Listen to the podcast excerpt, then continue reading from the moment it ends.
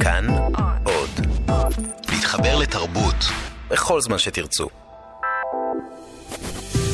70 שנה, 70 ספרים. סדרת הסכתים על הספרים האהובים והמשפיעים מאז קום המדינה. מגישות שירי לב-ארי וענת שרון בלייס.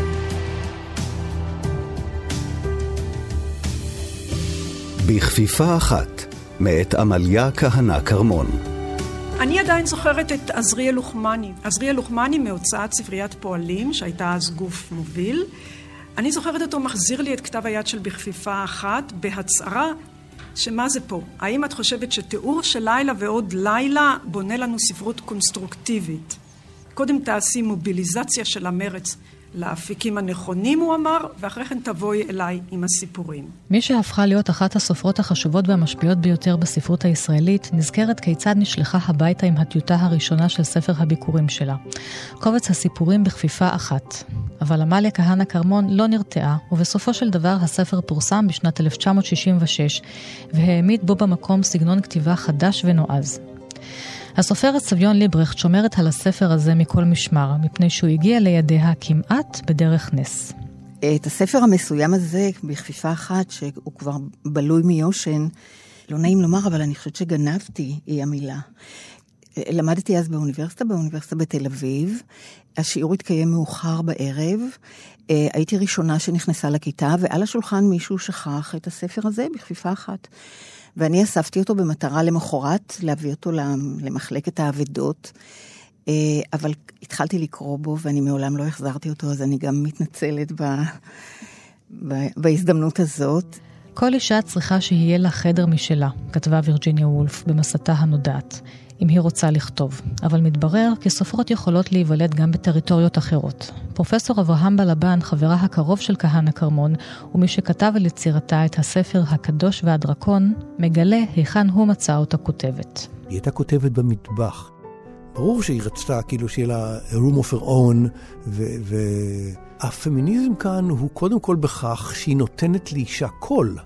זאת אומרת שהיא ממפה ומרהטת בצורה מאוד מפורטת עולם פנימי של אישה. והיא חושבת שזה דבר ראוי. הפמיניזם, אם כן, בעצם הסגנון שלה, בעצם העברת הדגש מן המלחמה אל האישה במלחמה. כהנא כרמון, שהחלה לפרסם בשנות ה-60, שייכת לסופרי דור המדינה. באחת מהרצאותיה היא דיברה על השבר הפואטי שהתרחש בין סופרי דור תש"ח, דור בארץ, שחלקם כתב ספרות מגויסת, לבין סופרי דור המדינה. וזאת על אחת כמה וכמה כאשר מדובר באישה כותבת, שביקשה להסיט את המבט משדות הקרב אל חדרי הבית, לשמוע ולהשמיע קולות אחרים. מה שקרה היה זה, הראי הלך ונסדק עד שהתנפץ. נותרה רק מסגרת הראי, שהייתה חישוק שמחזיק יחד את כל הרסיסים של מה שהיה פעם ראי שלם. כעת כל רסיס ראי כבר שיקף משהו אחר, רסיס של מציאות ומזווית אחרת. מה פתאום אנשים התחילו לעשות את זה? ובכן, זה, קודם כל זה לא היה פתאום. היו כאלה שתמיד עשו את זה. אבל לפני כן הם לא היו דמויות מרכזיות. הם לא היו הדמויות המרכזיות בשטח. לא הם נחשבו, לא הם נחשבו לנושאי הדגל. עכשיו, כתוצאה מהצרימות, הצרימות באוזניים, של המליצות שהלכו ונעשו שקריות יותר ויותר, המליצות שהתחילו לחלחל לתוך המיתוס הלאומי שניסר אז מעל לכל הבמות הציבוריות. ובכן, עכשיו החל להיווצר שבר אמינות שהלך והתרחב. אני חושבת שהייתה מכת יופי מילולי כזאת, שלא חוויתי, אני לא יודעת, מעולם זה קצת, אה, קצת מוגזם לומר, אבל מעט מאוד ספרים היו ספרים משני חיים מבחינה ספרותית, כמו המפגש שלי עם בכפיפה אחת. זה גם היופי המילולי, זה גם האופן שבו הסיפור סופר, שהוא כאילו לא מפורש, הוא חידתי. כל, כל סיפור שלה הוא, הוא חידה. צריך... אה, יש, הסיפור אולי המפורש ביותר הוא נעימה ששון אה, אה, כותבת שירים, ש, ולכן הוא גם אולי יותר נגיש ויותר נלמד. האחרים הם באמת כתב חידה. אבל זה כל כך יפה, השפה מרהיבה ממש, והביטויים כל כך חד פעמיים, יש לה ביטויים שנחקקו בזיכרון. יש לה סיפור אחד שבו היא מדברת על אישה שהיא פוגשת, והפנים שלה רחבים כמו כיכר לחם. אני, זה קרה לפני למעלה מ-40 שנה, אני עד היום רואה נשים עם פנים רחבים, ואני ממש רואה דימוי של, של כיכר לחם. זאת אומרת, זה, זה, זה, זה נכנס לא רק לתוך הכתיבה, זה נכנס ממש, זה חלחל לתוך החיים מבחינתי. עמליה כהנא כרמון כתבה לא אחת על אירועים מחייה. למשל בסיפור באר שבע בירת הנגב, היא חזרה לימיה כאלחוטאית בחטיבת הנגב בימי מלחמת העצמאות, כאשר עיצבה את זוג הגיבורים, נוח ואילנה. הכל קרה, מלבד שהם לא החליפו מילה ביניהם ולא, ולא שכבו. מבחינת העלילה, אה, מטוס הסיור שבו טס נוח מופל על ידי מטוסי אויב ונוח מת. שנים אחר כך, כשאילנה כבר נשואה ואם לבן, היא מגיעה שוב לבאר שבע ונזכרת בכאב. היא מעלה תמונות תמונות מן המפגש הקצר ההוא ופונה אל נוח ואומרת לו בליבה, בקלסתרי כל האנשים אחפש פזורותיך. מה שאופייני לסיפור הזה, על רקע הסיפורות של סופרי דור הפלמ"ח, זו העובדה שהמלחמה נשארת כאן לגמרי ברקע.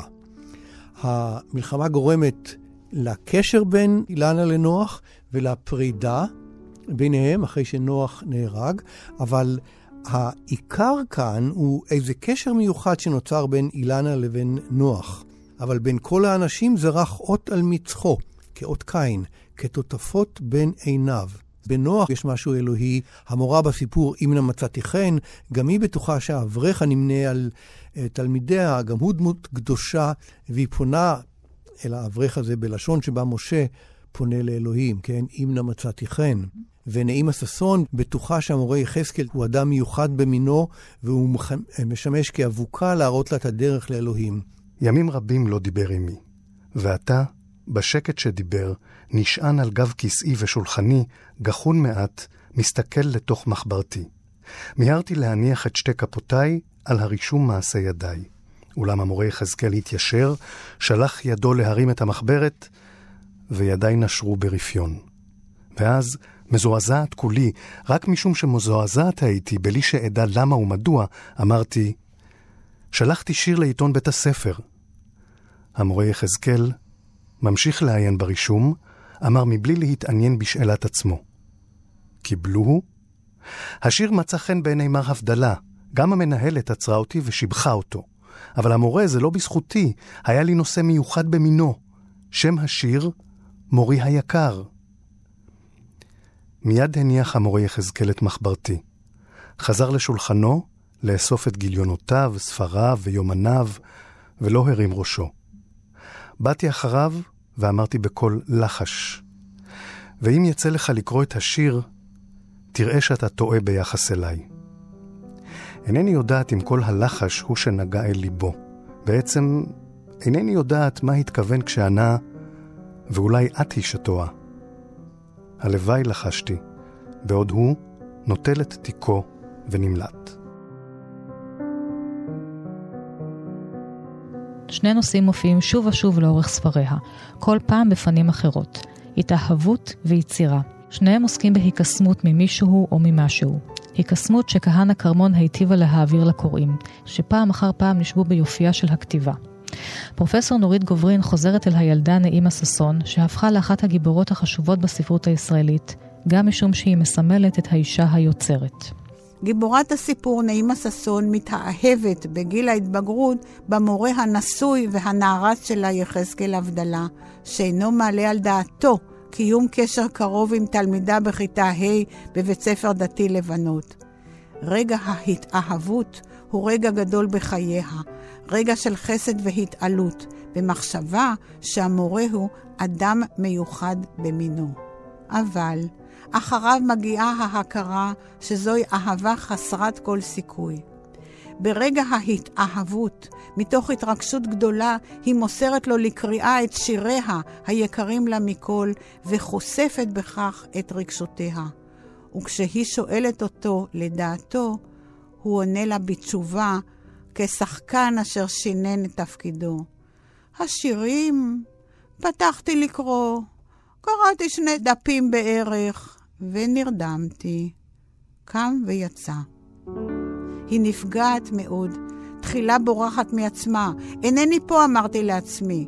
אבל בהמשך מתחוללת בה תמורה נפשית גדולה. היא מרחיקה את עצמה ממנו, רואה אותו כפי שהוא, ושומעת את דבריו. ולכן, לא פחות משזה סיפור חניכה של ילדה מזרחית העוברת מילדות לבגרות, זהו גם סיפור חניכה של לידתה של אומנית כאישה צעירה. ואחת מאותן נשים יוצרות היא סביון ליברכט, ששנים אחרי שמצאה את הספר, החליטה ללכת ללמוד כתיבה אצל עמליה כהנא כרמון. והסיפור הראשון שהיא ביקשה להציג בפני הסדנה היה סיפור שלי. הייתה תקופת הסטנסילים, והיא ביקשה ממני להכין 40 סטנסילים של ה... כן, עותקים של הסיפור, ואני הייתי בטוחה שזה סיפור שמכיל את כל הטעויות. בבת אחת אפשר להדגים את כל הטעויות של סופר מתחיל, ולכן היא ביקשה, ואז נפתחה הסדנה, ועמליה אמרה בקולה, לפנינו סיפור בלתי רגיל, הכתוב בכישרון בלתי מצוי, ואני ממש לא ידעתי אם אני שומעת נכון. אפילו הסיפור תפוחים מן המדבר נכתב בסדנה. ועמליה הייתה מורה מאוד נדיבה, לא רק לגביי, אלא לגבי תלמידים רבים. והיא שלחה סיפורים שלנו למוספים אה, של עיתונים, לכתבי עת, שאז היו בשפע, היום כבר אין שפע כזה. ותפוחים מן המדבר התגלגל לעיתון 77 של יעקב בסר. בסיפוריה של כהנא כרמון אין מדובר רק בקשר של משיכה בין גבר לאישה, אלא במשהו מעבר. משהו שהיא ניסתה למצוא לו לבוש מילולי. כי לא אחת דובר ברגע מיסטי, שבו הגיבור, האדם, מגלה משהו על עצמו באמצעות הקשר עם הזולת. איזה סוד ההופך חלש לגיבור. הסיפורים של כהנא כרמון אינם סיפורים דתיים, אבל המבנה שלהם עוקב אחרי המבנה של הרומנסה הדתית. בשלב הראשון הגיבורה נמצאת במצב של מעין מוות בחיים, מצב של חיים חסרי עניין וחסרי משמעות. על הרקע הזה היא פוגשת גבר הנראה לה נפלא ונפלא, מיוחד במינו, מסתורי. הקשר עם הגבר הזה מתואר פעם אחרי פעם כחזרה לחיים.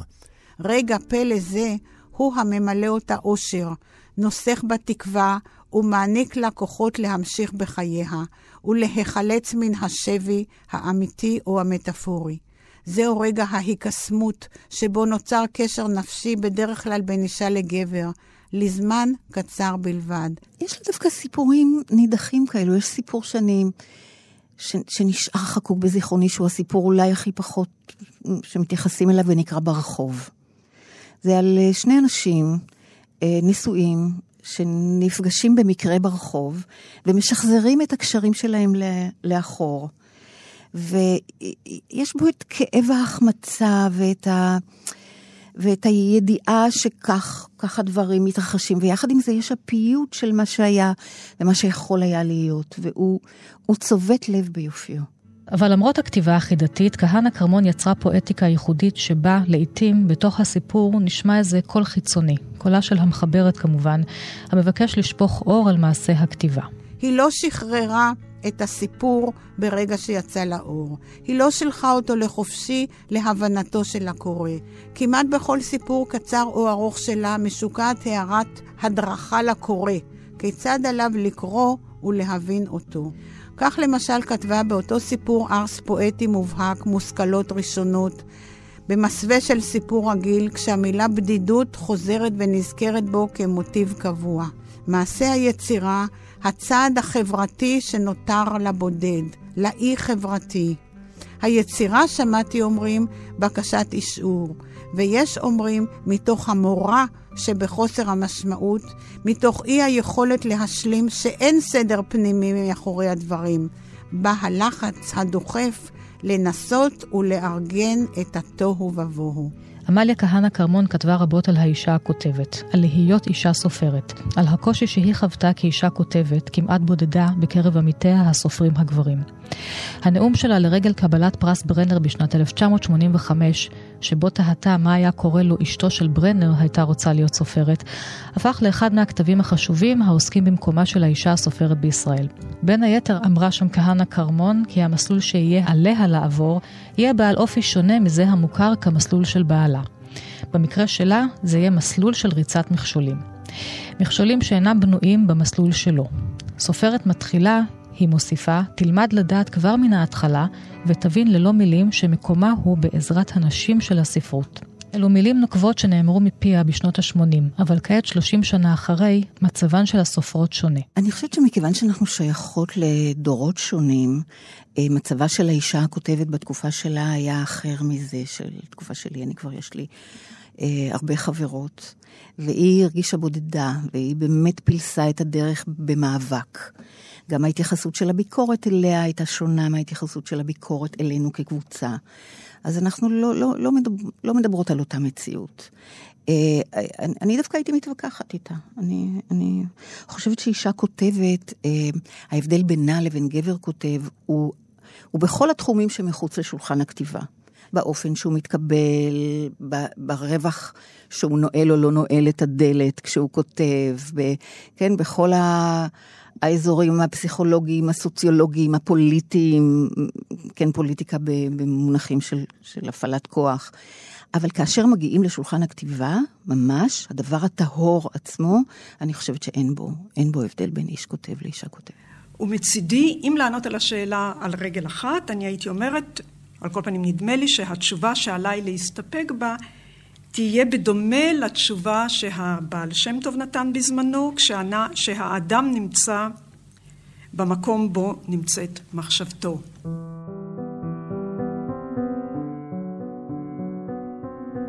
עמליה כהנא כרמון נולדה ב-1926 בקיבוץ עין חרוד וגדלה בתל אביב.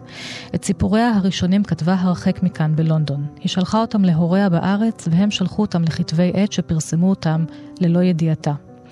היא זכתה בפרס ישראל בשנת 2000, ובריאיון שנערך עימה בקול ישראל שבה וסיפרה על הגיבורים בסיפוריה הראשונים. אני הייתי רוצה לומר שעד היום מדהים אותי כיצד אנשים מתייחסים לסיפורים כ- כפרקי יומן, וזה לא כך, כן? למשל, בספר מופיע, מופיעים סיפורים אחדים על משפחה קטנה ישראלית באנגליה.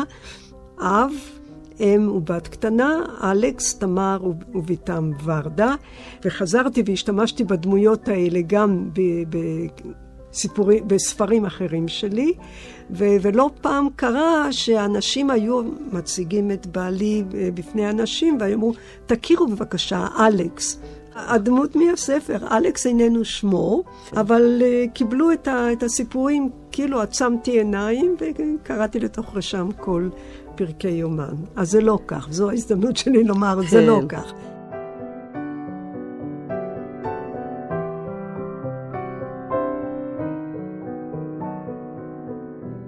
עד כאן התוכנית על קובץ הסיפורים בכפיפה אחת מאת עמליה כהנא כרמון. תודה לליטל אמירן וענת אורי ולאמוץ פרידמן על קטעי הקריאה. כאן באולפן ענת שרון בלייס.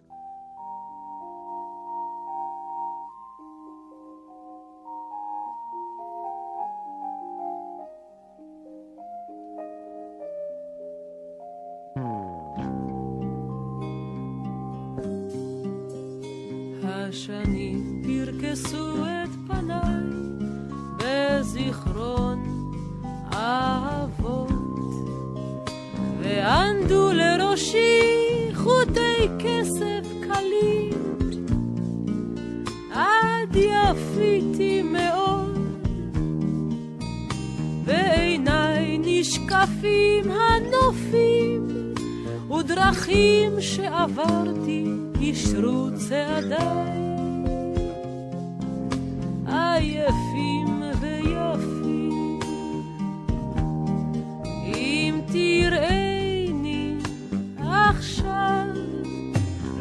תכיר, לא תכיר את תמולך. אני הולכת אליי בפנים שביקשת לשווא.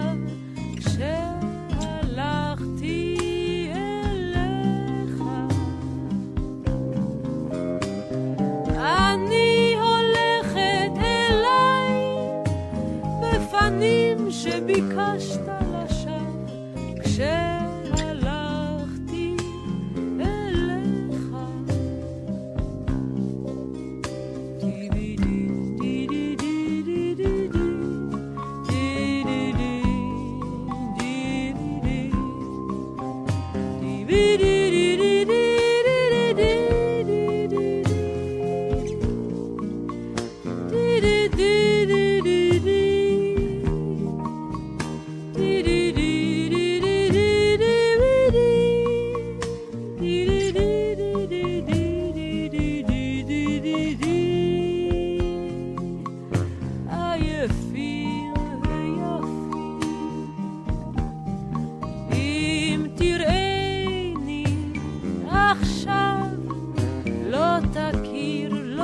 תכיר את תמולך. אני הולכת אליי בפנים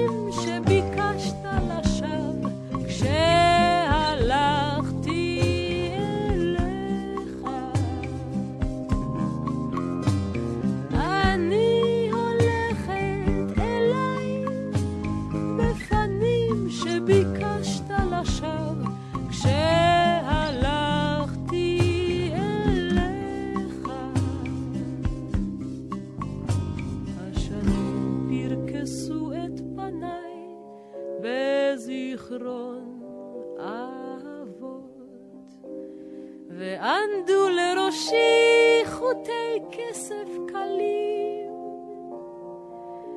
עד יפיתי מאוד.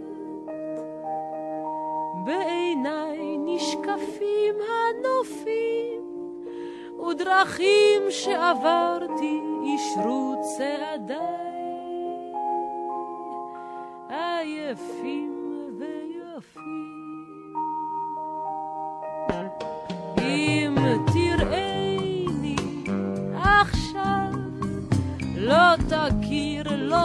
תכיר את תמולך. אני הולכת אליי בפנים שביקשת לשווא כשהלכתי